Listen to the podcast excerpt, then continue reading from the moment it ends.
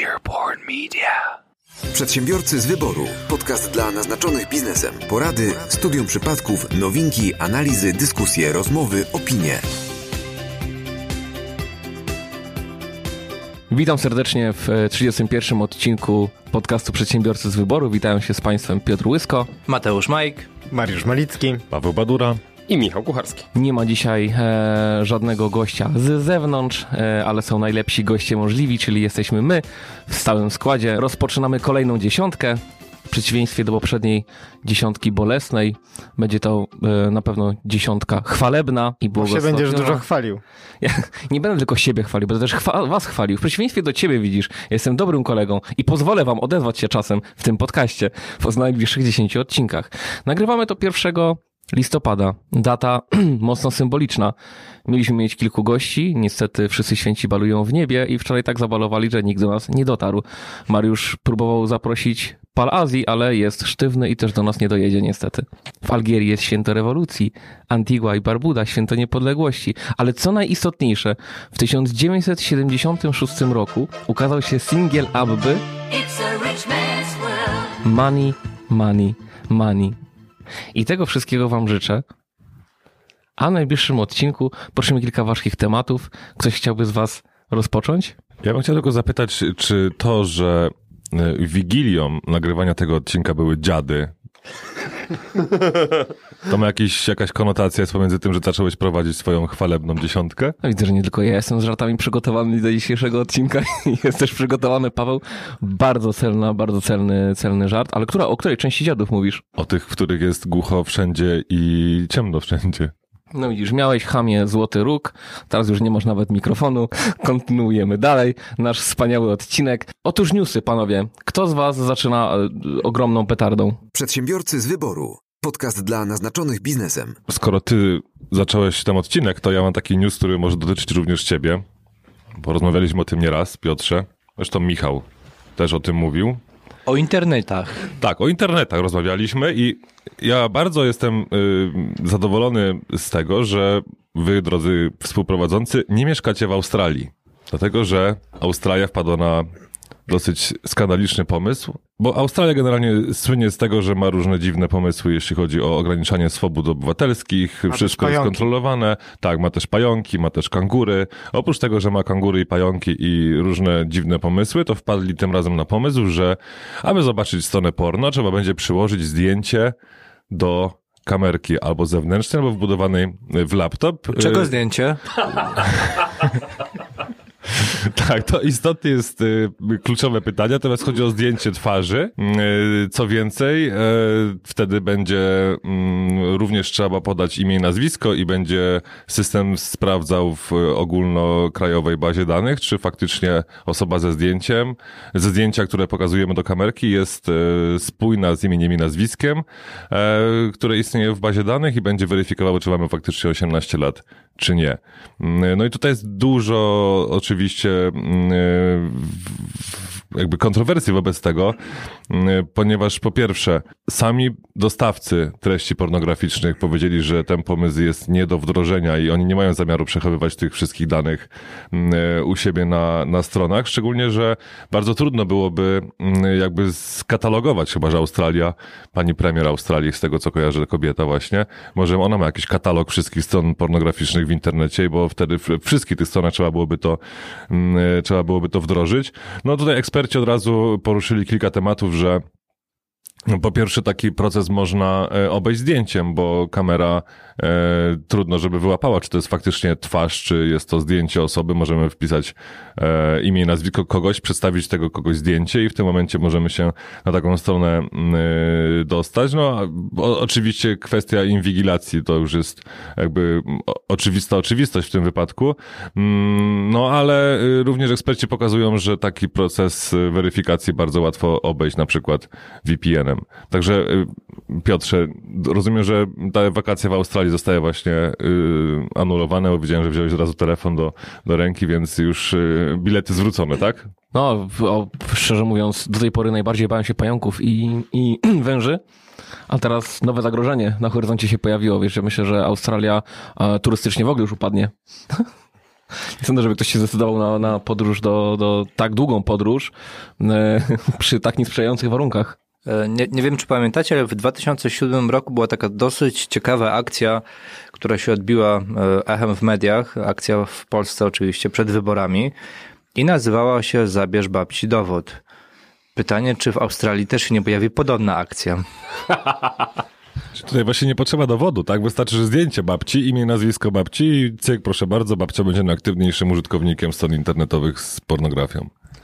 Yy, ale jako, że skrypty cały czas idą do przodu, więc zacząłem się zastanawiać, czy na przykład po, yy, jak ktoś by ukradł dowód babci i ten dowód by zeskanowała kamerka internetowa, to czy na przykład yy, treści nie byłyby dostosowane do wieku i osoby oglądającej? To mogło być takie duże negatywne zaskoczenie. kom- komputer wtedy pyta, pani Eugenio, jak zawsze, czarne duże?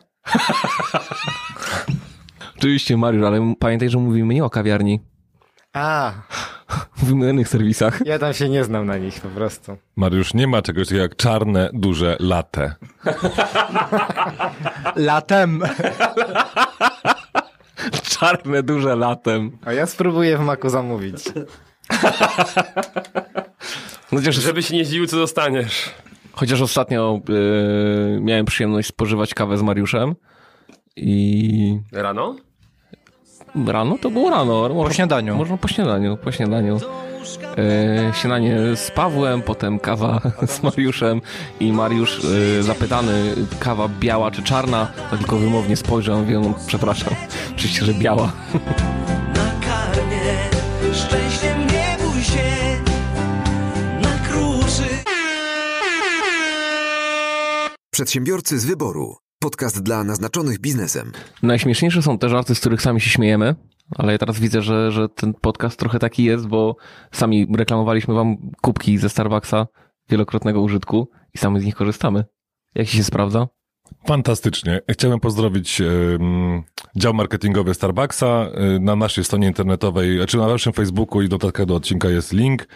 Tam możecie kliknąć wyślij wiadomość. Śmiało, do dzieła. Przedsiębiorcy z wyboru. Podcast dla naznaczonych biznesem. Co sądzicie o nacjonalizacji biznesu? Sądzę, że to jest świetny pomysł. Się nie Ale ja, nie, ale, ja nie, ale nie robię badania opinii publicznej, tylko... Ale no pytam, bo chcę zrobić wstęp do mojego newsa. No, mnie nie interesuje wasze zdanie tak naprawdę. z M-Bankiem. Dobra, to jeszcze raz. Co sądzicie o nacjonalizacji biznesu? A co? Świetne pytanie, Paweł. Chociaż jeśli chodzi o nacjonalizację, Mariusz, chciałbyś coś powiedzieć od siebie? Mnie się na chwilę obecną z M-Bankiem kojarzy. A, dokładnie tak. E, Commerzbank sprzedaje 70%, jest właścicielem 70% udziałów w, w M-Banku i je sprzedaje. I zainteresowanym są polskie instytucje szeroko pojęte, bo w sumie jeszcze nie wiadomo, kto tak naprawdę będzie to nabywał, ale, ale w planach jest nacjonalizacja M-Banku. I tak pierwsze, co sobie pomyślałem, ostatnio miałem przyjemność, no spory eufemizm, jechać PKP do Poznania mm, i nie było, już pomijam, że nie było warsa, w niektórych nie ma warsa, czasem nie ma kawy, czasem nie ma, nie ma bieżącej wody, ale jadąc w celach biznesowych do Poznania 5 godzin, niestety w całym e, pociągu nie było również gniazdka z prądem. Standard. I tak myślę sobie, że jeżeli nacjonalizacja polega właśnie na tym, to boję się, y, że w M-Banku y, oprocentowanie będzie ujemne, idąc tym trendem. Także ja nie jestem zwolennikiem, nie wiem dlaczego. E, Oczywiście jako uzasadnienie jest, że mm, jeżeli na rynkach finansowych pojawia się taka oferta, to Polska powinna z niej skorzystać i tworzyć silne polskie przedsiębiorstwa. Natomiast uważam, że sfera bankowa no, nie potrzebuje tego czegoś takiego. Oczywiście energetyka na przykład, tak, transport jeszcze ok, łączność, komunikacja, to mogą, mogą paliwa, mogą powstawać jakieś państwowe przedsiębiorstwa, chociaż jestem zawsze przeciwnikiem osobiście tego, bo uważam, że, że jakby uwolnienie rynku zawsze będzie z korzyścią dla, dla klienta, niezależnie czy to będzie podmiot polski, czy nie polski. No to w przypadku banku nie, nie, nie uważam, żeby to był dobry pomysł. Co wy sądzicie? Ja już słyszałem, że tam się pojawił podmiot e, prywatny, który jest też zainteresowany. Prywatny, no kon- konkretnie Erste Group z e, Austrii jest zainteresowane, ale podaje jeden warunek.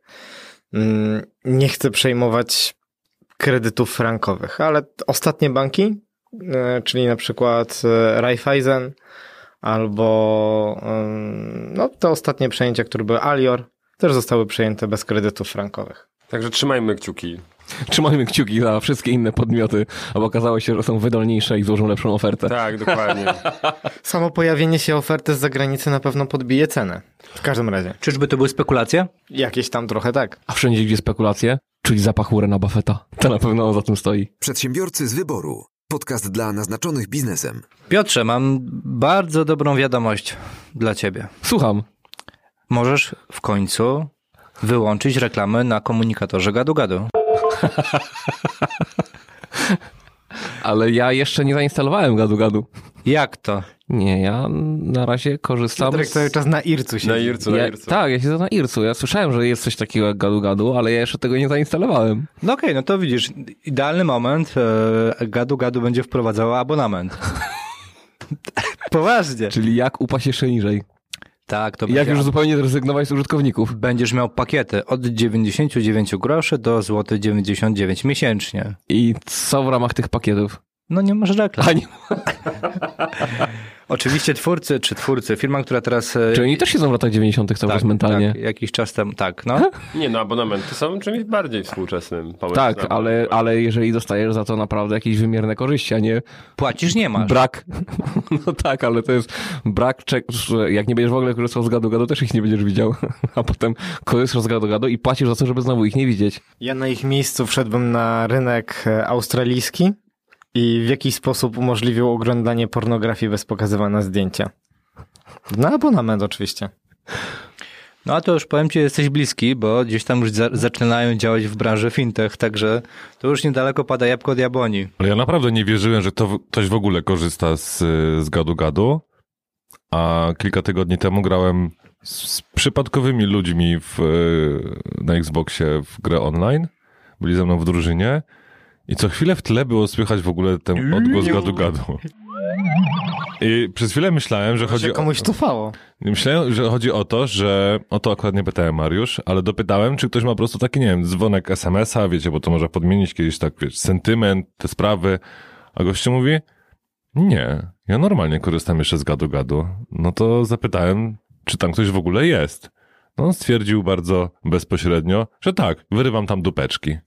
Nie pamiętam imienia ani, ani ksywy, ale jeśli nas w ogóle kiedykolwiek nie słucha, to pozdrawiam bardzo serdecznie. Czyli chyba nic się nie zmieniło. Wiesz co, no ja rozmawiałem ze znajomymi, Mateusz. Ja pamiętam, że na Gadu Gadu to był pierwszy komunikator, gdzie w ogóle em, reklamowałem imprezy, które organizują. A ustawialiście sobie status? No ba. No oczywiście. Oczywiście, że tak. Ja byłem zawsze niewidoczny. Dobra, a pamięta... Ale nie, chodzi mi o opis. Opis. Ale też miałem bardzo mądre, mądre jakieś, wiecie, paremie. Jakieś... Po łacinie zapewne. Tak, oczy- nie, nie, no po łacinie. Studiuję prawo. I To chodzę na nie były te crossfit. czasy, to nie były te czasy. Pio- Piotr Łysko, ukryty, to zależy. No u mnie się pojawia jedynie reklama właśnie, tak kilka razy do roku, jeśli była organizowana impreza w Katowicach e, dla szkół, no to była informacja, że w tym i w tym dniu, w tym i w tym miejscu będzie impreza. Pamiętam. I zwykle ludzie do mnie w ogóle pisali z różnych e, Stron świata. stron świata, prawie, Z Australii pisali.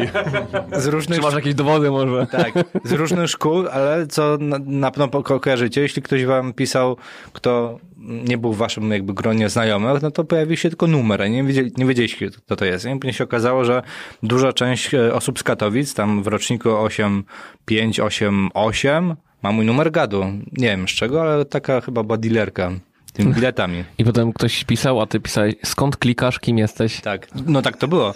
A, to zgłoś się do przewodniczącego szkoły, nie? Skąd klikasz, gdzie jesteś, co masz na sobie.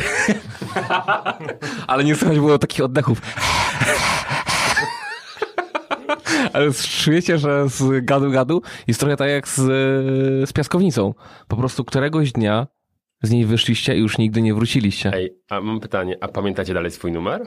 Ja pamiętam. Ja pamiętam. 1, 6, 9, 4, 3, 2, 3. 157 2256. 1711344. No ja nie pamiętam. Ale nie, A ja też pamiętam 139 5757, ale wiem, że już należy do kogoś innego. O, Przedsiębiorcy z wyboru. Podcast dla naznaczonych biznesem. płaca minimalna. O nie. Oby jak najwyższa. Ja bym chciał, żeby było 10 tysięcy. Ile będzie? Będzie różnie. Jak różnie? Bo no właśnie, rzecznik e, MŚP, pan Adam Abramowicz, wpadł na doskonały pomysł, żeby zróżnicować płacę minimalną w zależności od regionu. Czyli w Tak, na- zależności od e, głosów. I tak na przykład w ogólnopolska taka pensja mogłaby wynosić na przykład e, w przyszłym roku 2,6 tysiąca, ale w województwie podlaskim, jako że tam tak trochę mniej się zarabia i ceny mniejsze, to 2,4. I każdy region miałby jakiś tam przelicznik, żeby różnie to było. Jakie poparcie było na PiS w Podlaskim? Nie wiem. Ale właśnie to jest odwrotnie proporcjonalne, bo wydaje mi się, że było bardzo wysokie, a to okazuje się, że pensja będzie najniższa, więc, więc ten rzecznik może naprawdę być rzecznikiem przedsiębiorców. Nie, ale... Że to jest tak, że oni nie czują potrzeby tam zdobywania już elektoratu, bo najwięcej Aha. zagłosowało, to można ich troszeczkę, wiesz. To nie jest takie głupie, ale zastanawiam się na przykład, co jak ktoś mieszka, wiecie, w miejscowości, która sąsiaduje z drugim województwem już, nie? I teraz, i, i, i co? I na przykład, ale to będzie mieszkał w innym województwie, a pracował w innym, to będzie zarabiał tak, gdzie mieszka, czy tam, No gdzie właśnie. pracuje? Ale to przecież to o- A jak- oczywiste, a jak że nie ma da... siedzibę, nie wiem, na przykład w. Warszawie, a ty sobie pracujesz z Bieszczad i zdalnie pracujesz. no Ale, to- ale słuchajcie, chłopaki, no przecież nie da się, no nie, nie można czegoś takiego wprowadzić. Przecież A to, prze- to jest, przepraszam cię To jest bardzo. jeden z argumentów, to jest oczywiście, znowu, znowu robi, popełniamy, popełniamy błąd, bo ja chcę was doprowadzić do porządku. Przerzucamy się racjonalnymi i merytorycznymi argumentami. Nie róbmy tego, to jest bez sensu. Tego nikt nie chce słuchać. Patrzyłem mi piwo. Ale mówisz to Piotrek od 30 odcinków po prostu. No bo ja próbuję was zreformować. I to, co powiedział Paweł, no oczywiście to jest, to jest, to jest cudowny i naprawdę bardzo merytoryczny i racjonalny argument. Ale to, to tak nie działa. Ja już to zrozumiałem. Należy walczyć tylko krzykiem i pięściami. Ale powiem wam, ja, ja tak sobie czytając czasami te propozycje, mam wrażenie, że to jest coś tak, że oni sobie siedzą, tak jak my teraz przed w studio i ej, ale mam pomysł. Ty, ej, weź, ej, weź zróbmy inną, Ja. Inną pensję tu i tu. Na pewno tego nie powiesz na antenie. Nie powiesz tego, nie Powiem. powiem, nie powiesz, nie, Nie po, powiem, nie powiesz tego do opinii publicznej. Powiem, nie powiesz, po... Chcemy wprowadzić y, ym, różne limity, y, czyli limity no, y, wysokości pensji minimalnej. Na przykład w Podlaskim będzie taka, a w innym województwie będzie taka. Jebany powiedział. Przedsiębiorcy z wyboru. Podcast dla naznaczonych biznesem. A propos właśnie rzeczy, które się powie, a potem się nie powie jednak. To nasza ulubiona pani minister Emilewicz Chyba twoja. chyba we wtorek stwierdziła, że gdzieś tam rozważają wprowadzenie podatku od wielkopowierzchniowych sklepów, tylko po to, żeby w czwartek stwierdzić, że jednak nie. Ale Lidl, z tego co pamiętam, zgłosił jakąś, yy, jakieś tak zwane zdanie odrębne i wskazał na błędy w tym projekcie, który, który był proponowany. Nie, nie, nie przyznam szczerze, że nie znam szczegółów, ale wiem, że Lidl się tak mocno obruszył i może, może to poskutkowało. Ale to a propos, a propos tego, co mówił Piotrek, patrz, we wtorek powiedziała, a w czwartek sprostowała, tak? Była, Tak, dwa, tak, raz, była dwa razy na antenie w tygodniu? No ba. Była. Proszę bardzo. Da się, da się. Oni tam może mają jakieś targety, że musi pani wystąpić dwa razy. I na początku tygodnia rzucają jakiegoś newsa, którego w drugiej połowie będą prostować. Przedsiębiorcy z wyboru. Podcast dla naznaczonych biznesem. Kto z was e, chciałby pomóc trenować AI? Nie znam tej drużyny NBA. Ja, a to jest jakiś jiu Tak. Jest mm, nowy startup, w zasadzie dwa startupy, które zaczynają zbierać pewnego rodzaju zdjęcia. E, Z dowodów? jeżeli masz to w dowodzie, to jest spoko, powiem ci. Zdjęcia z zawartości toalet po skorzystaniu z niej.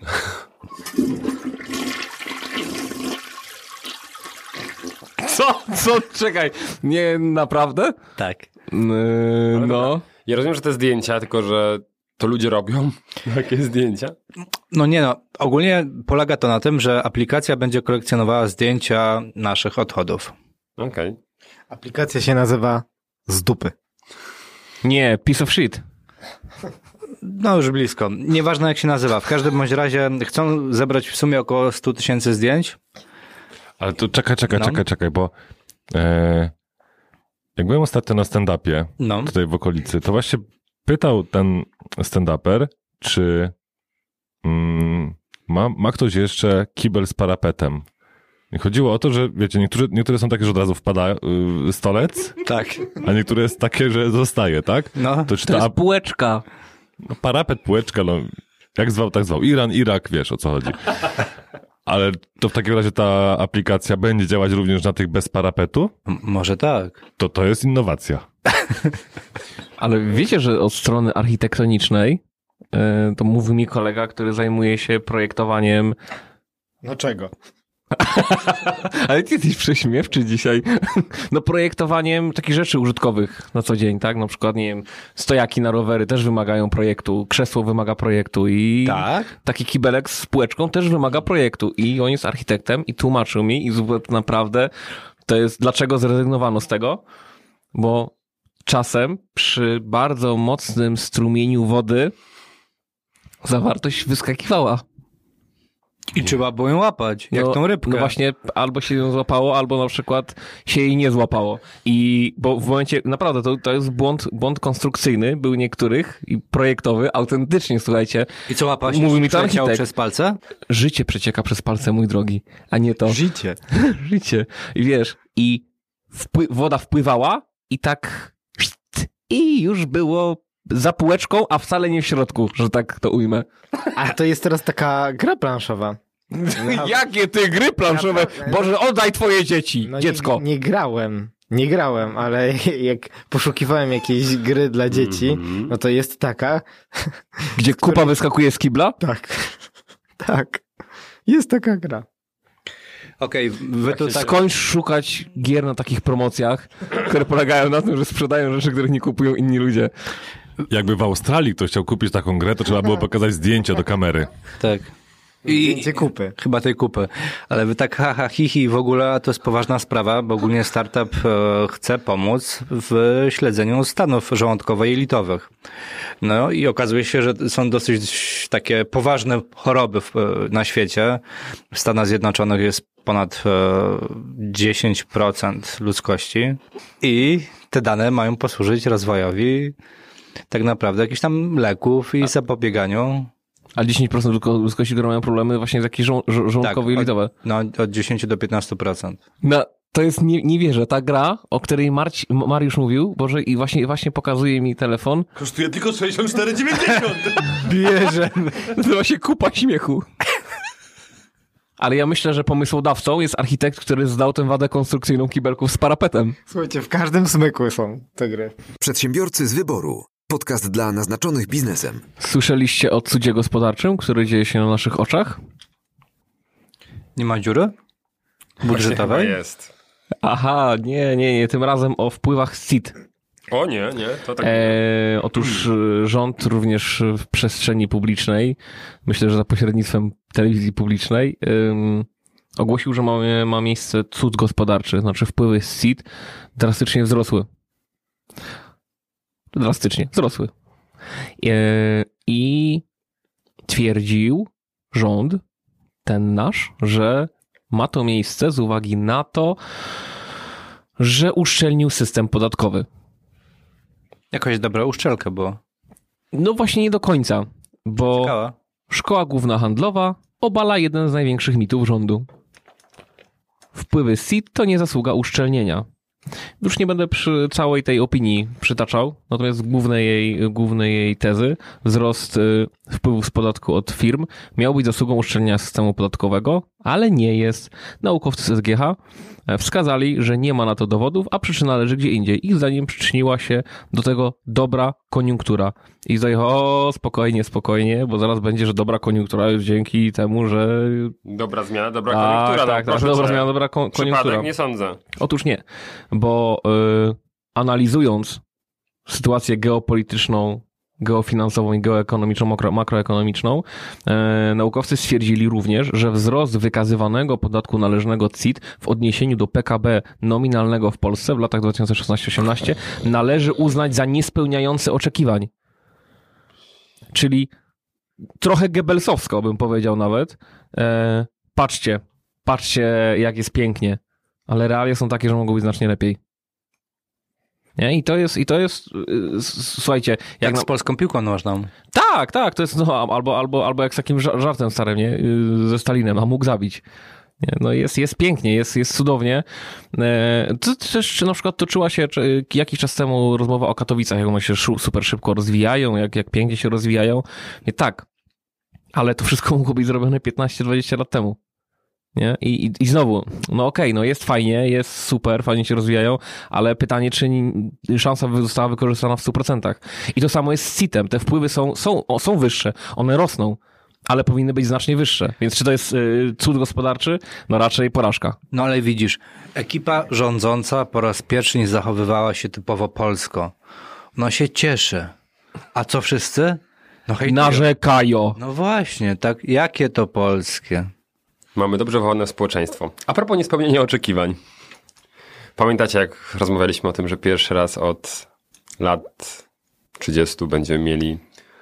Nie, nie będziemy mieli właściwie deficytu budżetowego? No to trochę nieaktualne. Przepisy się zmieniły? Nie, no bo jest po wyborach. Nie, no jest po wyborach, już można powiedzieć prawdę. Daj Więc spokój. można sobie spojrzeć, tak. Polityk mówi prawdę tylko jak się pomyli. Antoni wyszedł z szafy. Nie, no, tutaj pamię- no, głównym czynnikiem, dobrze, jednym z głównych czynników, który miał tutaj mieć wpływ na to, że nie będzie tego deficytu, to była dużo lepsza ściągalność podatku niż w, podatków niż w roku mijającym, plus oczywiście zlikwidowanie tych 30, e, czy też 30-krotności z składek ZUS, tego prawa, które potem gwarantuje, że się już tych składek nie płaci. No to tutaj już dyskutowaliśmy na antenie podcastu, że jeśli chodzi o tą 30-krotność, to tak nie za bardzo ktokolwiek to popiera. Oprócz chyba tylko cyferek, żeby się zgadzały, ale to tylko też na krótko by było. Więc z tego się wycofują. Zostaje 13 emerytura, no i pojawia się coraz więcej głosów o tym, że jednak e, te statystyki dotyczące ściągalności podatków takie trochę za bardzo optymistyczne i może tak jednak około 20 miliardów deficytu, więc Piotrze, dalej się trzymamy. A czy to, to, to jest niespodzianka w ogóle? Ja się tak spodziewałem, że, że, że tu jednak, a, a, a to, to no nie, żaden, żaden się nie spodziewał. Ja czytałem kilka takich artykułów, w których właśnie podawali, że ten mikro, taki tylko mikrodeficytuniek ma się pojawić ze względu na to, e, że właśnie ta trzydziestokrotność e, jednak nie zostanie wprowadzona. Tam chyba 5 miliardów zaledwie. Tak, tak, no. No 30 tak, a, pięć. ale czytałem też artykuły, w których ktoś policzył, że w, no właśnie, prze- przede wszystkim ktoś zauważył, że w planie budżetu nie ma 13 e- emerytur. Mhm. A 13 emerytury, jak, e, jak będzie, będą wypłacone, a cały czas rząd zapowiada, że będą wypłacone, no to niestety zwiększą deficyt o jakieś kolejne 10-15 miliardów. Ale teraz ciekawostkę wam powiem. Dlaczego w ogóle mówię o, bo to taki most. Dlaczego w ogóle mówię o 13 emeryturach? Bo e, dotarłem do takiego artykułu, w którym jest napisane, skąd rząd wziął pieniądze na 13 emerytury. Skąd? Niespodzianka. Z Funduszu Ubezpieczeń Społecznych, do którego oczywiście właściciele firm odprowadzają składki. Ci, co sobie jeszcze radzą. E, no i Są tacy? No my na przykład. E, I dotarł do tej informacji fakt. I no właśnie, no okazuje się, że ta trzynastka, czyli tam dodatkowe 888 zł na rękę, no to właśnie wszystko sfinansowane przez tych nieszczęsnych przedsiębiorców, którzy, no, kto nie chce się zrzucać, no to To znaczy, że się po prostu do niej nie nadaje. Przedsiębiorcy z wyboru. Podcast dla naznaczonych biznesem. Jako, że grobowa atmosfera raczej udzieliła się większości tego, temu, tego kraju, naszych słuchaczom oraz nam, z uwagi na, tylko i wyłącznie na datę, bo ona zawsze jest wesoło, yy, to musi pojawić się też skarbówka. Otóż, w jaki sposób skarbówka kontroluje branżę pogrzebową? O, to, to dobre, Jak, dobre. jakbyście mieli mm, określić, e, ile warta jest szara strefa w branży pogrzebowej? Zabójczo dużo. No nie, ale rząd wielkości. Możecie mówić, nie wiem, w tysiącach, w setkach tysięcy, w milionach. Ile w ogóle jest warta ta branża? Nie wiem, ile jest warta cała branża. Ciężko stwierdzić. Nie, nie mam takich danych. A czy do szarej strefy doliczamy to, co y, kosztuje gdzieś tam odprawienie też tych wszystkich... Tak, wszy- Na- wszystko. Branża O, to pani to jest tak, miliardy. 15,5 miliona. 3,5 miliarda. Szara strefa w branży pogrzebowej jest warta 3,5 miliarda. Służby skarbowe mało się tym... 3,4 miliarda złotych. Dziękuję Paweł, że mnie poprawiłeś. Chociaż powiem ci, że myślę, że nagrywając ten odcinek 1 listopada przeskoczyliśmy przez 3,5 miliarda. Służby skarbowe mało się tym interesują. No oczywiście w Polsce y, od kilku lat rośnie liczba zgonów, przekroczyła już 400 tysięcy rocznie, z uwagi na te boomy po, powojenne, im więcej ludzi się rodziło, to 500 plus. teraz No mówiliśmy, mówiliśmy przy dokładnie, o tak, jest pochówku. wszystko- dokładnie tak. Mm, No i problem polega na tym, że niestety, stety albo niestety, no raczej niestety, urzędy skarbowe nie kontrolują tych firm. I teraz y, wiele, wiele firm, które mm, legalnie działają, pytają urzędy skarbowe, no bo tak naprawdę y, firmy, które nie płacą podatków, działają w szarej strefie, no są znacznie bardziej konkurencyjne, prawda, dla, dla klientów siłą rzeczy. E, No i rozmówca właśnie dziennika Rzeczpospolita przyznaje, że nieraz rozmawiał z urzędnikami skarbowymi o swoich konkurencjach, e, konkurentach uciekających przed podatkami. W odpowiedzi słyszał zawsze, jak będzie donos, to się nimi zajmiemy. To jest dziwne, bo w każdej innej branży donos nie jest potrzebny, żeby się nimi urzędy skarbowe zajmowały. Otóż e, jaka jest jeszcze, e, patrząc na statystyki kontroli, tendencja? Otóż y, kontrolerzy urzędów skarbowych, jeżeli mają kogoś skontrolować, to wybierają wesela, bo jest lepsza atmosfera. I jakoś tak kontrola przebiega weselej niż na pogrzebie. E, I to jest pewne jakieś takie tabu Ale chyba, nie? Słyszałem, i- że i- młode pary są pytane po ślubie, kto grał na weselu, kto robił tak, zdjęcia. a gdzie umowa, ile? Tak, Tak, tak, tak. tak, tak. Ale, ale, ale po pochówkach tak się nie dzieje. A, Kto i- grał, kto robił... kto grał, kto robił zdjęcia. Kto kopał? Kto go no, ględzącego się nie kopie. Ale yy, no, branża, branża yy, kwitnie yy, i Jak te chryzantemy jak te złociste. chryzantemy złociste. Zastanawiam się, może te święta, może nasz, nasza audycja dzisiejsza to taki asumpt dla urzędów skarbowych, żeby zabrały się za... Czy ty właśnie chcesz być takim sygnalistą, że Wiesz co? Tak, tak, tak. Ja, ja wolę takie amerykańskie określenie. Whistleblower. Przedsiębiorcy z wyboru. Podcast dla naznaczonych biznesem. Dzwonił ktoś do was z Antarktydy ostatnio? mm, chyba nie. E, miałem ostatnio kilka telefonów, rozmowy były w chłodnej atmosferze, ale to nie była Antarktyda. I nie były międzymiastowe. Nie. Okej. To uważajcie na tego typu e, telefony. Akurat do mojej żony dzwonili, a żona z natury nie odbiera. E, To dobrze w tym przypadku, bo okazuje się, że są jakieś wyłudzenia. W momencie, kiedy odbierzecie tego typu numer, widziałem też zresztą na różnych forach wrzucali rzut z ekranu iPhone'a z informacją, że ktoś z Antarktydy dzwonił i o co chodzi. Okazuje się, że taki, takie odebranie telefonu może skończyć się nawet e, naliczeniem dodatkowej opłaty w, w wysokości 600 zł. I ogólnie mówimy o jakichś takich międzynarodowych numerach dziwnych, Czyli długich, białe misie robią sobie jaja. no mniej więcej. Pingwiny, pingwiny. za, zadzwoń do kogoś z Polski. Dobra, zajebista opcja. Dzwoni. Daj, daj, daj, daj, daj, daj. I te sprawy. Także o, ostrzegamy. Przedsiębiorcy z wyboru. Podcast dla naznaczonych biznesem. Słuchajcie, wiecie jak jest po litewsku na zdrowie? Mm. Wiem, bo piłem z Litwinami. Więc pytam was. I swiegata. E, ale dlaczego o tym mówię? Nie dlatego, Powiedz że... nam, powiedz, Nie, powiedz. po- no, no do, dobrze, Michał, jeżeli chcesz, to powiem. E, nie dlatego, że Mariusz ostatnio zapowiadał trzydniowy melanż, No właśnie i na zapowiedziach się skończyło. natomiast Litwa rozpisała przetarg, nie wiem czy słyszeliście, i kupi 4 miliony tabletek jodu. Jakby ktoś chciał wziąć udział w przetargu. Ale, ale dlaczego? Litwa kupi, Litwa kupi 4 miliony tabletek jodu na wypadek katastrofy białoruskiej elektrowni atomowej w Ostrowcu. Obiekt powstaje w odległości 50 km od Wilna. I teraz Litwa dowiedziała się, że Białorusiny budują e, elektrownię, więc stwierdzili zamówimy 4 miliony tabletek jodu. To jest po prostu największy trolling chyba w historii. Ja uwielbiam coś takiego. No bo nie wystosowali żadnego pisma Białorusini. Proszę, zabezpieczcie to dobrze. Albo na przykład, nie wiem, mm, może pomożemy wam. Albo cała Unia wam pomoże, żebyście nie zatruli połowy Europy. Nie. Dobra, Białorusini budują, tak? Zamówił. Wiesz, oni znają Jod. widocznie to przysł- przysłowie. Przezorny, zawsze zabezpieczony. Przedsiębiorcy z wyboru. Podcast dla naznaczonych biznesem. A jak już jesteśmy za granicą, to mamy tutaj pewien news dotyczący 500+. Za granicą 500 plus? Tak. Słucham. Oczywiście. A mianowicie coś takiego jak bon turystyczny.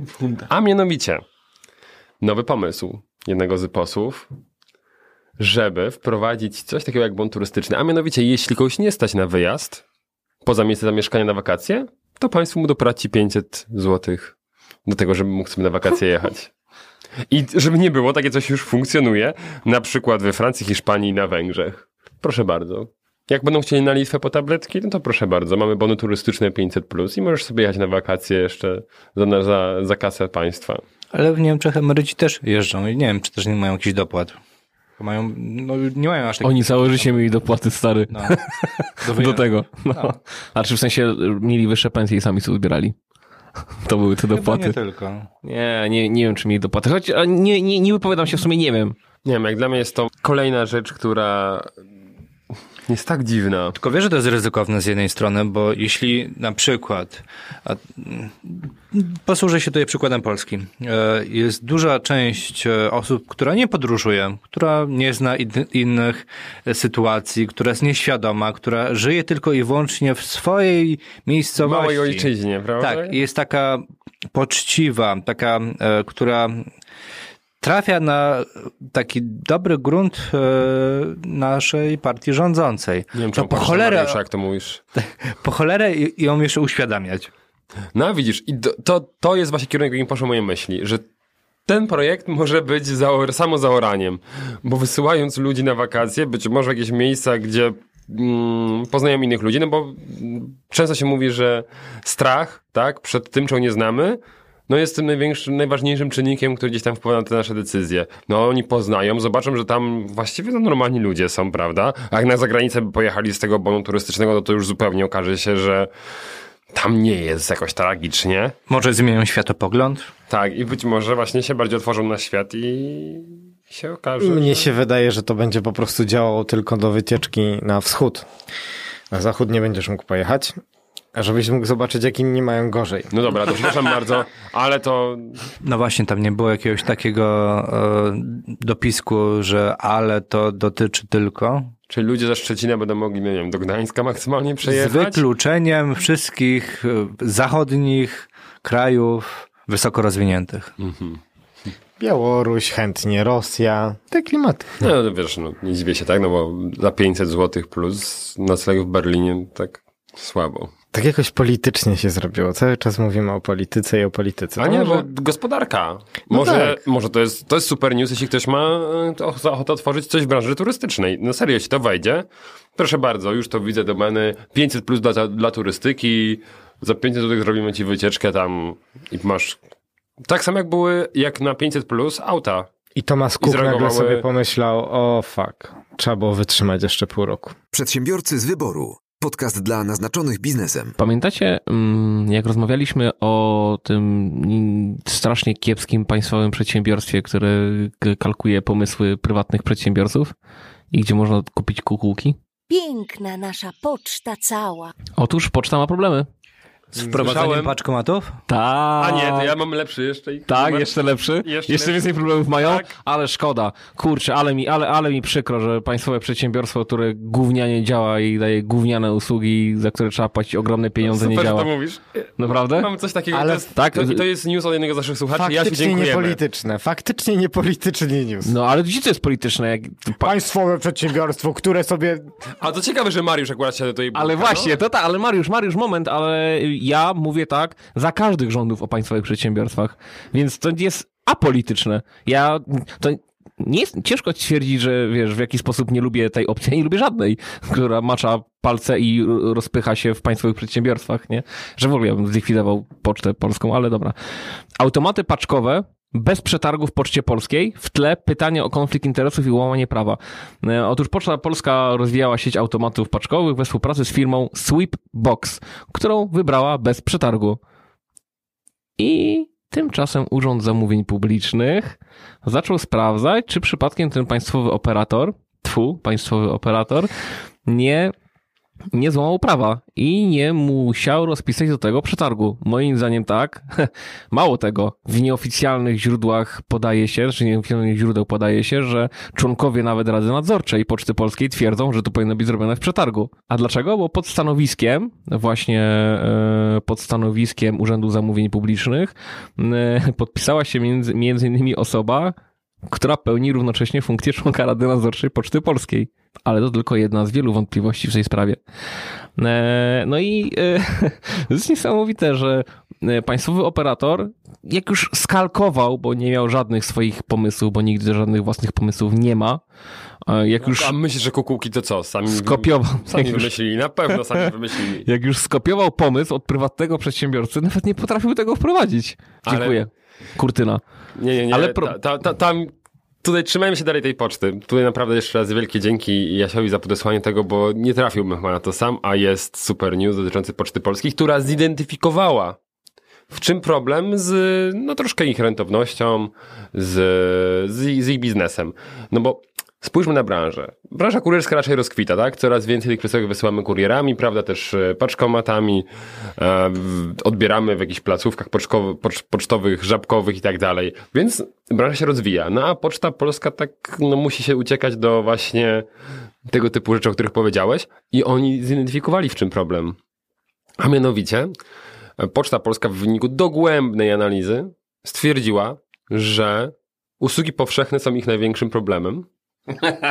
Poczekaj, to jest, to, to jest jeszcze jeden. A dokładnie, że ich największym problemem jest to, że mm, dla części przesyłek mają termin dostarczenia D plus 1, tak? Czyli następnego dnia roboczego. W związku z tym, jeśli oni się z tego wycofają i będą mogli dostarczać na przykład D plus 3, to im dużo lepiej będzie szło. No tak, no bo tak statystycznie rzecz biorąc będzie mniej osób z tego korzystało. Nie no, gdzie, gdzie jest standard, e, umówmy się, te firmy kurierskie, no to 90 kilka procent to jest D plus 1, tak? Że następnego dnia ten kurier jest. Idziemy jednak w kierunku tego, coraz częściej się pojawiają głosy, żeby było same day delivery, delivery jeśli jest na przykład po, po granicy tego miasta, tak? Że jak wyślesz na przykład do 10, no to do wieczora ta przesyłka dotrze do, do odbiorcy. No to super sprawa. Poczta Polska, nie, nie idźmy w tym kierunku. No to zróbmy tak, żeby jednak może dostarczać co trzy dni. Ale oczywiście wtedy nie, bo oni mają duże braki kadrowe, prawda, nie ma listonoszy, szczególnie na wsiach. No ale, Idą pod prąd. No może... ale, sorry, ale jeszcze ten, ale z przetargu wywalili impost y, ileś lat temu, prawda, z, m, twierdząc, że są jako jedyna firma zdolni dostarczać przesyłki na terenie całego kraju, bo impost sobie z tym nie poradzi. No i kurde, oni sobie też nie radzą. To może jakieś ptaki trzeba wynająć. Mają kukułki, to może jakieś bociany. No tak, ale, ale słuchajcie, po pierwsze, jak już e, o impoście powiedziałeś, no to z jednej strony kiedyś e, wywalili impost ze swojej branży, a teraz wchodzą w, właściwie w branżę, którą e, zapoczątkował impost, no i mm, mają zamiar w dość krótkim czasie postawić 250 własnych paczkomatów, to a propos tego, co powiedział Piotrek. Ale, ale jakie to będą paczkomaty? Tam Ale- otwierasz, tam pani no, już o paczkę tym, przez już o tym Kuku. kukułki, już o tym rozmawialiśmy. Natomiast słuchajcie, a propos tego, co powiedziałeś, e, Piotrek, UZP, mm, które sprawdziło, czy faktycznie Poczta Polska miała prawo ominąć e, przepisy właśnie o mm, przetargach, e, wydało opinię, że tak, miała prawo.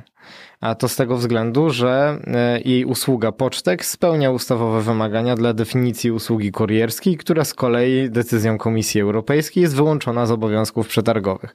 Więc to już jest jakby pozamiatane, to, co, to, co, to o czym Piotrek powiedziałeś. Nie? Tutaj już sprawdzili, mieli prawo, jest wszystko ok. No i mogą sobie wchodzić na, na rynek, e, który i konkurować znowu z impostem. Przedsiębiorcy z wyboru. Podcast dla naznaczonych biznesem. Dobra. Skarbówka była, Poczta Polska była, ale dawno nie było, znaczy w tym odcinku nie było jeszcze nic o RODO. Oho, No to pierwsza kara, ale tym razem dla urzędników Tak. sypnęła się e, w Aleksandrowie Kujawskim. 40 tysięcy złotych kary dla, mm, Burmistrza. dla burmistrza. E, A wszystko przez to, że nie były podpisane umowy przetwarzania i powierzenia danych osobowych dla dwóch firm. Pierwsza, która administrowała y, z biuletyn BIP y, urzędu i miała ten cały biuletyn w ogóle zainstalowany na swoich serwerach, E, a druga dostarczała programowanie do stworzenia i serwisowała ten, y, ten biuletyn. Co ciekawe, tutaj już tam nie, nie wchodząc w szczegóły, że tam to jest prosta sprawa, po prostu nie podpisali tych dokumentów, które były wymagane właśnie ustawą dotyczącą RODO, ale dowiedziałem się dopiero z tego artykułu, że jest limit wysokości kary dla e, organów administracji publicznej. Bo pamiętacie, tam chyba 3,2 miliony, y, 3,2 miliona złotych dla Morelenet, a maksymalna kara dla mm, urzędów to 100 tysięcy złotych. Więc trochę kolesiostwo. Jak- Jakby na przykład ministerstwo jakiejś cyfryzacji albo, albo coś w tym stylu. Wysypało całą bazę Dane z ludzi. dowodów? Tak. Tak, tak. To, to, to 100 tysięcy. To 100 tysięcy. Ale to A, a, było fajne. Nakładać karę na instytucję publiczną, a ta kasa potem trafia do skarbu państwa, który.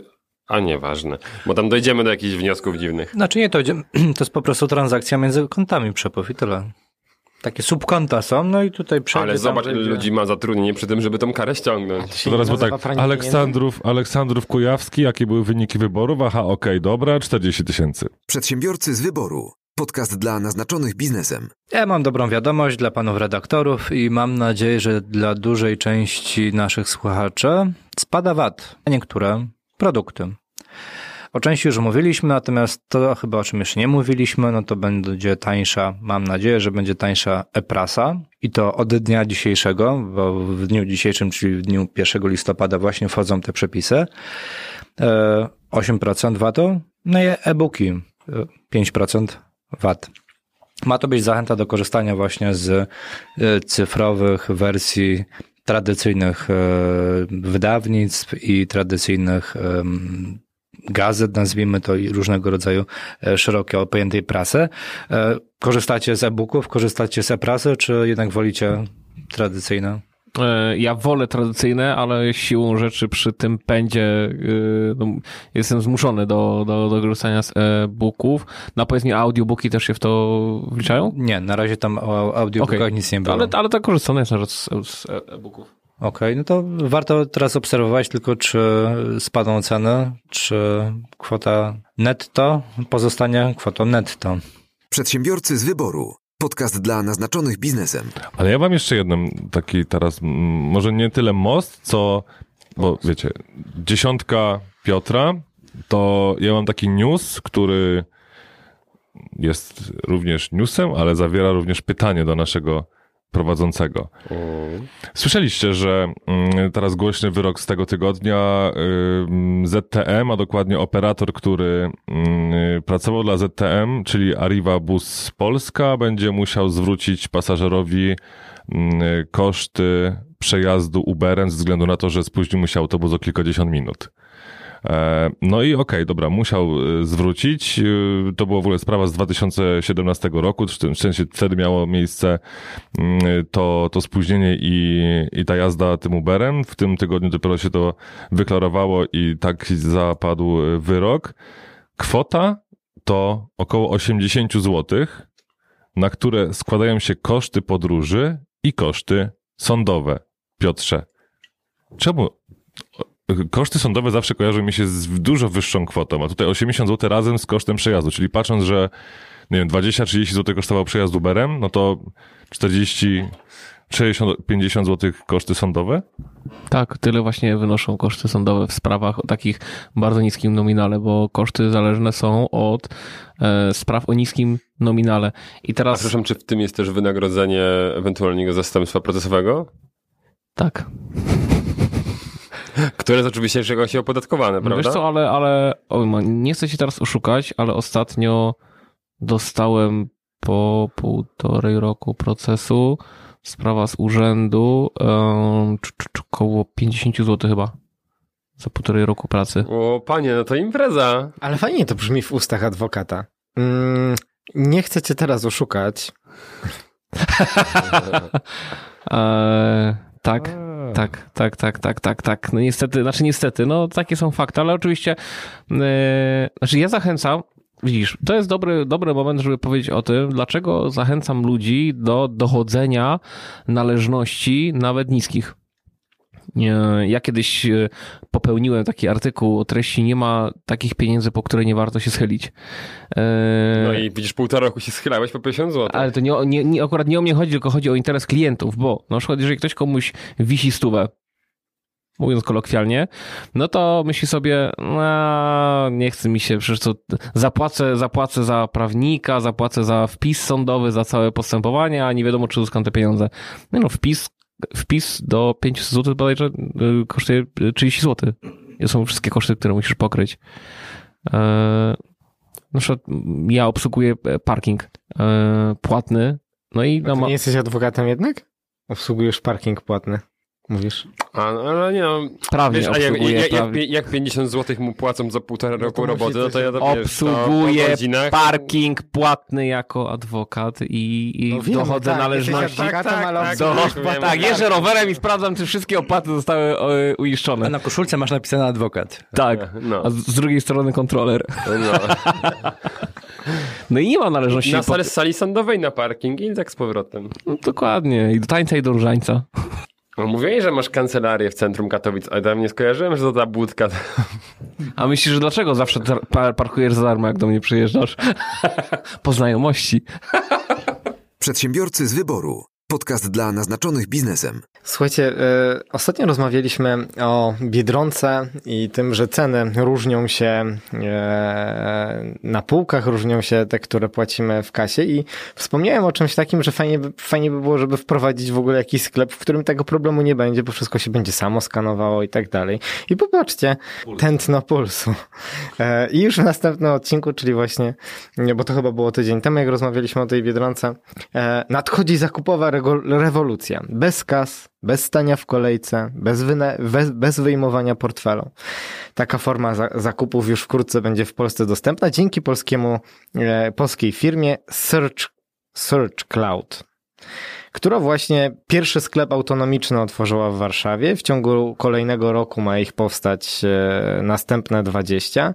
I teraz ciekawostka jest taka, że korzysta się jak z normalnego sklepu, prawda? Możesz sobie chodzić, zbierasz tam spółek produkty, e, bierzesz je od razu do torby, kładziesz ją na specjalną ladę, i wszystko dzieje się samo. Nie musisz wyciągać tych produktów, nie musisz patrzeć, nie musisz. One wszystkie się automatycznie podliczają. Płacisz sobie telefonem, bo musisz płacić aplikacją. Jest specjalna aplikacja e, właśnie do tego, do, do tego sklepu.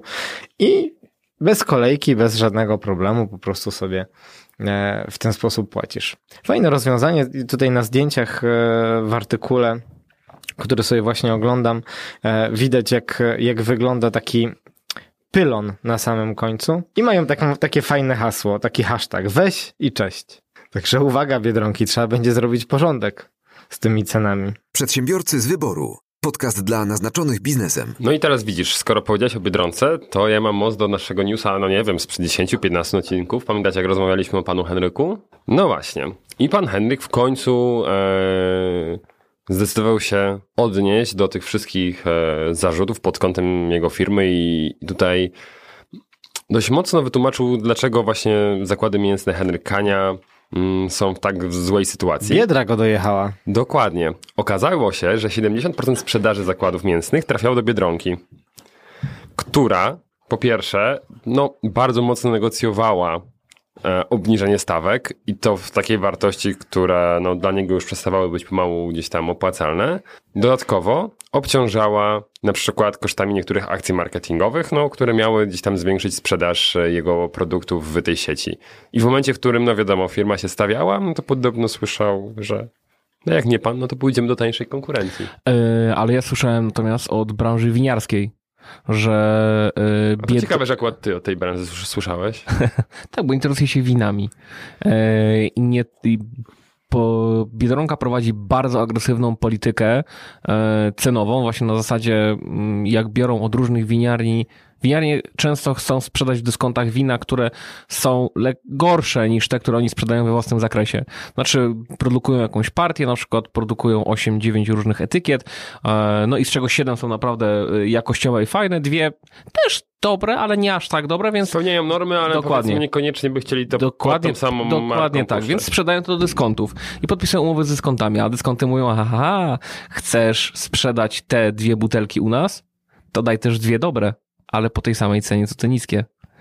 E, I niestety często się godzą i to jest cios, totalny cios y, nożem w plecy dla, dla tego biznesu, e, bo to nie są trafne decyzje, bo e, wiele winiarni podupadło finansowo właśnie na takich decyzjach, bo sprzedają bardzo dobre etykiety po cenach dyskontowych, tylko po to, żeby pozbyć się swoich etykiet. Y, To już się kończy, bo, bo doszli do wniosku, że to się nie opłaca, ale ja mówię, to pokazuje też, jak agresywną politykę przyjmują dyskonty. Ja myślę w przypadku Henia Henryka, y, naszego przyjaciela Kani, y, który, który zabrał głos, daj głos, dostaniesz kiełbasę.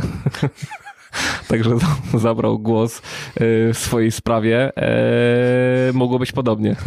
Ale powiem wam w drugą stronę, jakby trudno obwiniać dyskonty o to, że próbują zbić ceny produktów, bo na tym polega ich biznes, a w drugą stronę problemem wielu przedsiębiorców, jak się okazuje nie tylko małych, ale też e, i, i dużych, takich jak zakłady mięsne Kania, e, korci właśnie strategia dużo sprzedaj za niską cenę, która jest po prostu no takim mieczem obosiecznym, no niestety.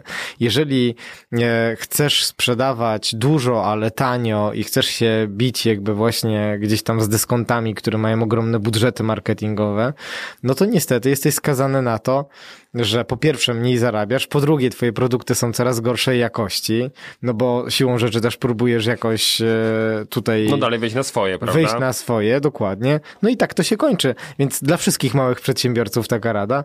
Skoro nawet tak duży przedsiębiorca sobie nie poradził ze strategią niska cena, e, Duża ale ilość. dużo sprzedaje, no to sami pomyślcie, może jednak wysoka jakość, sprzedawajmy mniej, ale jednak e, drożej i dawajmy porządną Hmm. jakość za to.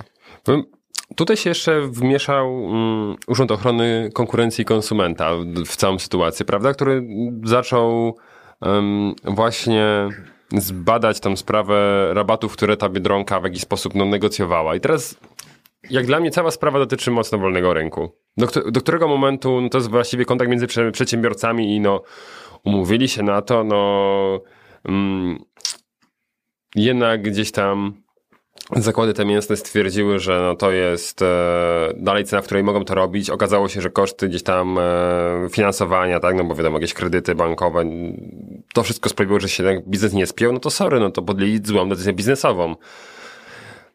No rozumiem, że w momencie, gdyby utracili Biedronkę, no to 70% z, e, sprzedaży leci w dół, tak, jeśli to było 70% ich, e, ich, ich, ich sprzedaży.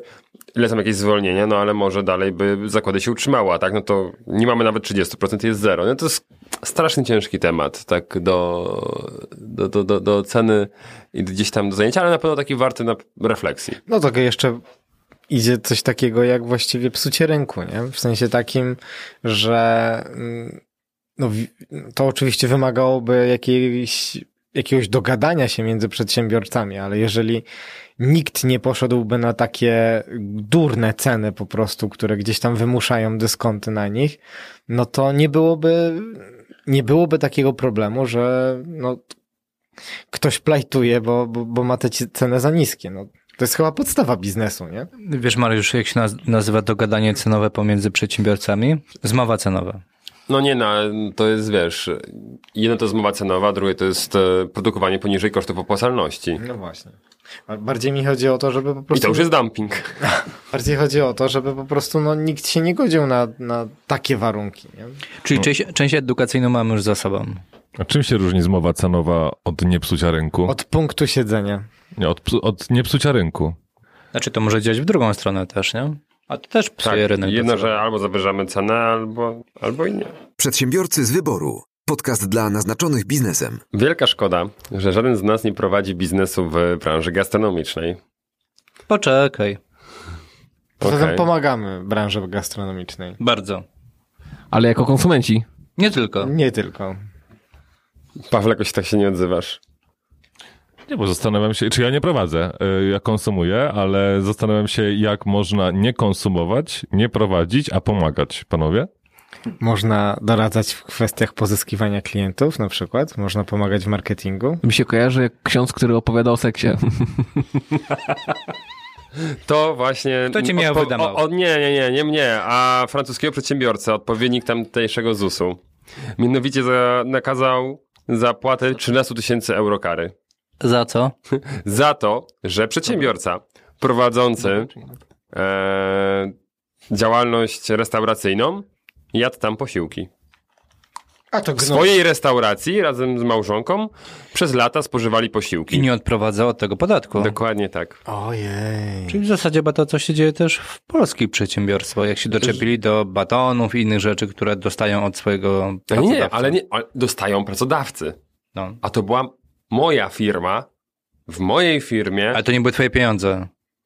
Ej, czekaj, czekaj. Ty, je, jeżeli... jeśli miało być restaurację, A nie, teraz ja sobie patrzę na, na- na, na swoją branżę. Jeżeli ja normalnie doradzam komuś na przykład, jakie teksty zrobić na stronie internetowej i zrobię teksty na swoją stronę internetową, doradzisz sobie, jak zrobić teksty, To- to jest jakiś przychód chyba. No, masz przychód od wiedzy. to zrobimy sobie Mateusz Barter, wiesz? No, trzeba. Nie, ale no, to mnie tak siekło. Mówię, no, i no przecież właściciel no to choćby w celu sprawdzenia jakości potraw powinien jeść to, co się u niego produkuje, prawda? Jeśli ma restaurację, no to ja bym sprawdzał, czy dobre rzeczy wydajemy naszym klientom. No a tu się okazuje, że mhm, podatek, bo jesz rzeczy. Przedsiębiorcy z wyboru. Podcast dla naznaczonych biznesem. E, Google i ich komputer kwantowy ogłaszają, od miesiąca się za IBM-em prze, prze, przekomarzają, przekomarzają tym, czy Google osiągnęło kwantową supremację, czy nie. Chodzi o to, że opracowali komputer, który jest w stanie pewne typy obliczeń wykonywać dużo szybciej niż tradycyjne komputery po prostu. A właściwie jeden algorytm, Tak, który liczy prawdziwe liczby pierwsze. Tak. Nie. Najpierw generuje przypadkowy ciąglicz, a potem sprawdza, czy on faktycznie był przypadkowy. I normalne komputery robią to bardzo długo, mimo że to tak się prosto tłumaczy, a kwantowy jest to w stanie zrobić bardzo, bardzo szybko. Ale jest to oczywiście do wykorzystania też w innych dziedzinach, no ale to jest zdecydowanie pieśń przyszłości. Fakt, że no, opracowanie komputerów, które są dużo szybsze, działają na zupełnie innej zasadzie niż e, standardowe. Na pewno jest tutaj pewnym krokiem naprzód i firmy te czołowe, produkujące e, komputery od lat się starają osiągnąć tego typu e, przewagę właśnie. Z tymi komputerami kwantowymi to jest takie moim zdaniem, okej, no dobra, zrobiliśmy wszystko okej, ale to jeszcze minie naprawdę mega dużo czasu, żeby to zostało gdzieś, tak mi się wydaje przynajmniej, mojej laickiej wiedzy, zanim to będziemy z tego korzystać w ten sposób, bo teraz się pojawiły liczby, że pamiętam 3000 lat, tak miało zająć normalne... No, nawet, no, tutaj różnie, No. tak? Bo e, oczywiście Google powiedziało, że oni to zrobili w 3 minuty dla komputera IBM-u to byłoby 10 tysięcy, IBM stwierdziło, no okej, oni to zrobili może w 3 minuty, ale nasz komputer by to zrobił 2,5 dnia. Umówmy się, pewna różnica jest, no ale dodać dalej 2,5 dnia. Kwant to mi się kojarzy z programem telewizyjnym z lat chyba 80. Nie, no chodzi o to, że komputery kwantowe nie przyjmują wartości 0,1, tylko są wieloma wartościami dajmy Nie na mają bitów, tylko mają kubity. Tak, i to się tam zupełnie inaczej dzieje w środku. Kuboty. Kuboty też. Ale nie ma żadnych bitów? To nie pograją. No, ale Pawle, wracając, tak, nie, bo to nie, to nie będą komputery zupełnie do, do tego typu rzeczy. No, będą służyły bardzo skomplikowanym obliczeniom. Czyli muzy nie zrobisz bez i bitu. Pawle, tutaj wiesz, zastanawiam się, no bo jak sobie spojrzymy, no to nie wiem, 60 lat temu, 50, to nie wiem, kiedy tranzystory weszły, tak? I, i komputery oparte na dzisiejszej technologii. Więc mam wrażenie, że jak przeskoczymy o połowę tego czasu do przodu, no to te kwantowe już mogą mieć jakieś fajne zastosowania, szczególnie właśnie przy też kwestiach dotyczących ogólnie rozwoju technologii. bezpieczeństwa i jakby szyfrowania. To, to, po to się te komputery robi, żeby w ogóle pierwsze założenia były takie, żeby bankowość była w 100% y, bezpieczna, tak? I żeby to było nie, nie, nie do złamania i nie do, do, do prze, przejęcia. No umówmy się, że zasadzie. jeśli coś zaszyfruje taki komputer, który w ciągu sekund z, jest coś w stanie no, doskonale zrobić, to jest komputer, na który sobie pozwolił bank, no hakerzy raczej nie są w stanie tego deszyfrować w jakimś rozsądnym czasie.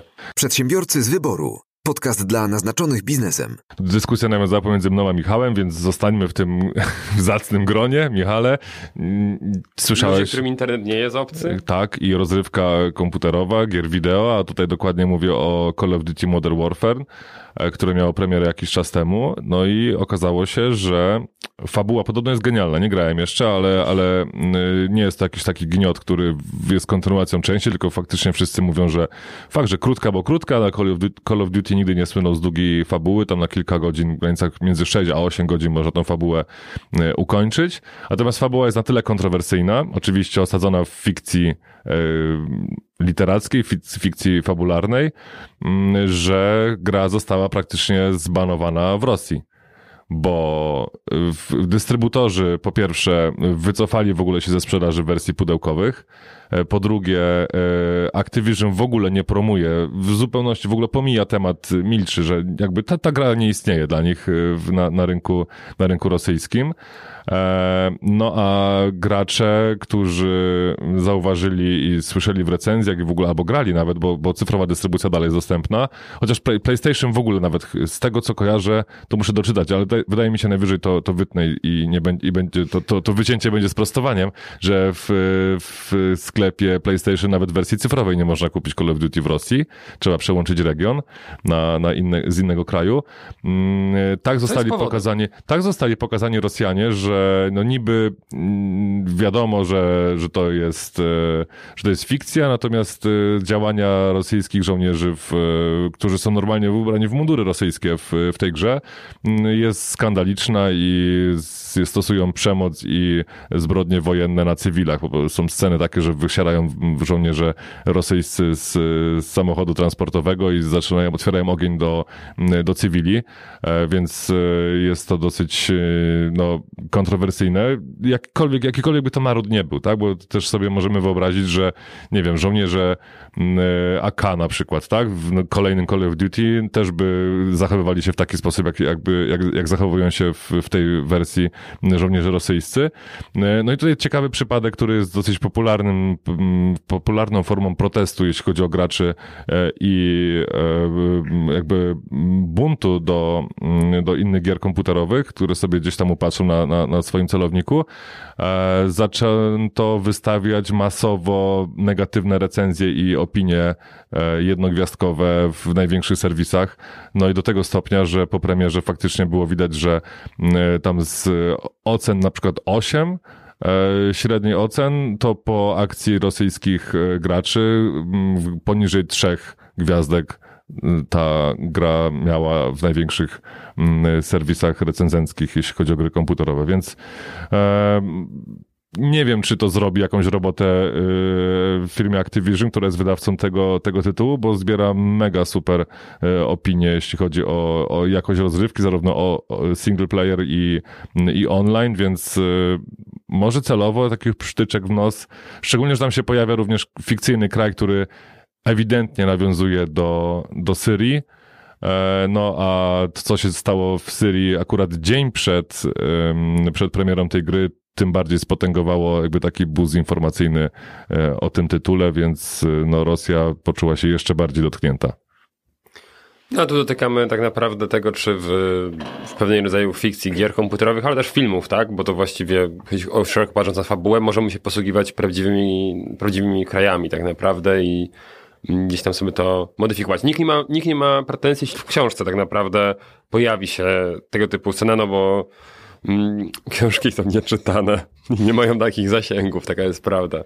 A jak się pojawi na filmie, na serialu, to nie mam. Fajny przykład ym, Wolfstein Castle sprzed lat, prawda? Gdzie biegało się i zabijało e, niemieckich żołnierzy z, e, z pastygami na rękach, prawda? No a potem w Niemczech ta gra była w ogóle w zupełnie innej wersji wypuszczona, że ten, te swastyki były jakoś przerobione. No, w ogóle Niemcy, Niemcy, jeśli chodzi o swastyki w ogóle gdziekolwiek, to podobno tylko i wyłącznie w Muzeum. w muzeum i w filmach dokumentalnych e, można używać tego, natomiast w żadnym elemencie popkultury swastyka, swastyka jest niedopuszczalna do, do, do, do czegokolwiek. Także dużo jest w, dużo jest wersji właśnie specjalnie dedykowanych na rynek niemiecki, szczególnie gier i w ogóle popkultury, która oparta jest o, o działania podczas II wojny światowej. Mm, takie historyczne rzeczy, to ciekawe. Ciekawe jak w serii Commandos, bo tam też przecież byli panowie w takich mundurach charakterystycznych. Ciekawe, czy mieli wersję na, na Niemcy osobną. No ale fakt, że tak jak mówimy, to zależy wszystko zapewne od zasięgu. Także książki są bezpieczne. Znaczy co, chcecie powiedzieć, że w niemieckich wersjach gier, w których się zabija Niemców, się nie zabija Niemców? Nie, nie zabija, zabija się Niemców, Są gry osadzone? ale zabija zabija się Niemcami. Niemców, ale nie, ci Niemcy nie mają symbolów e, na przykład swastyki na, na mundurach. A na przykład mundur dość, czasami jest dość wiernie odwzorowany. Przedsiębiorcy z wyboru. Podcast dla naznaczonych biznesem. E, Biznes może zapukać do twoich drzwi, w sensie fajna okazja biznesowa. Nie tak, że sam musisz wpaść, a ktoś ci może to podsunąć. A na przykład Adam Małysz, który szukał na całym świecie e, jakiejś dobrej firmy, która mogłaby spersonalizować buty dla skoczków. Nie wiem, czy wiecie, ale nasi skoczkowie w letnim Grand Prix a już niedługo zaczyna się zimowe, zaskoczyli wszystkich butami, które e, no, są inne niż wszyscy używają, bo wszyscy byli do tej pory uzależnieni od jednej i tej samej firmy. Firma RAS, tak się nazywała, przez dwa S. Ale to były buty takie w, sensie do nart, czy takie, które... Takie do nart. Do nart, okej. Takie do Bo myślałem, że jak no. letnie, to może mm, jakieś sandałki, nie? Nie. Buty szyte na miarę. Właśnie do tej pory, słuchajcie, one nie były tak bardzo personalizowane, bo to były jednak e, produkcja masowa. Oczywiście, no, specjalnie dla, dla skoków narciarskich, ale produkcja masowa. Tak, ale tam w ogóle w sportach jest coś takiego, że w tych wszystkich e, wystąpieniach oni muszą mieć buty, które są ogólnie dostępne. E, No nie do końca, no muszą spełniać na pewno pewne, pewne warunki, Na- natomiast, no bo inaczej tutaj ten przypadek w ogóle nie miałby sensu. Nie, nie, nie, nie doszłoby do tego. Natomiast e, w końcu e, Adam Małysz odkrył, znaczy odkrył, zauważył firmę polską, nazywa się Nagaba.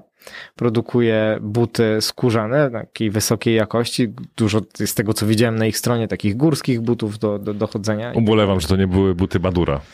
No tak, wiadomo. E, I słuchajcie, e, wyobraźcie sobie, że poprosił właśnie o to, znaczy zapytał, czy oni nie chcieliby wyprodukować butów takich specjalnych do skoków narciarskich, gdzie byłyby indywidualnie robione dla każdego skoczka. No i firma się podjęła tego. Są w trakcie testowania pierwszych, znaczy wiadomo, już, już zaczęli skakać Polacy w letnim Grand Prix. Grand Prix. No i teraz na zimę przygotowują kolejne. No i wygląda na to, że firma Nagaba ma szansę zrewolucjonizować skoki narciarskie, faktycznie dając pierwsze personalizowane buty, które są taka ciekawostka, robione ze sztucznej skóry, ale e, sztucznej, e, którą nazywają wegańską skórą, po prostu skóra z probówki. Robiona w laboratorium. Przedsiębiorcy z wyboru. Podcast dla naznaczonych biznesem. Kończymy tym akcentem. Miły akcent dopiero przed nami, bo ja. E, otóż pojawił się nowy komentarz. Bardzo mi się podobał.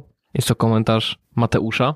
Mateusz pisze: Panowie, to do nas wszystkich. Powinien pojawić się zakaz słuchania waszego podcastu w środowisku publicznym na słuchawkach. Jest szansa, jak PiS dalej będzie przy władzy, jest szansa. Nie, ja uważam, że właśnie tu, tu już odniosę się do, do tego, co napisał Mateusz, bo na tym napisał, panowie, powinien pojawić się zakaz słuchania waszego podcastu w, w środowisku publicznym na słuchawkach. Racja, powinien być w głośnikach od razu. Powinno puszczać się go publicznie w ramach terapii rozweselającej. Zawsze słucham was podczas treningu na rowerze i wielokrotnie ku zdziwieniu przechodniów parskałem śmiechem. Widok osób, według których śmiałem się bez powodu jest bezcenny. Robicie znakomitą robotę i co tydzień z niecierpliwością czekam na kolejny odcinek. Zgodnie z naszą tradycją, Mateusz, wiersz dla ciebie. Śmiech i zabawa to nasze atuty. Dziś to ja przejąłem przywilej batuty. Słuchajcie zawsze w metrze i w swetrze, niech śmiech wam będzie niby powietrze. Słuchajcie nas, to dobra terapia. Mateusz, pozdrawiaj uśmiechem każdego gapia.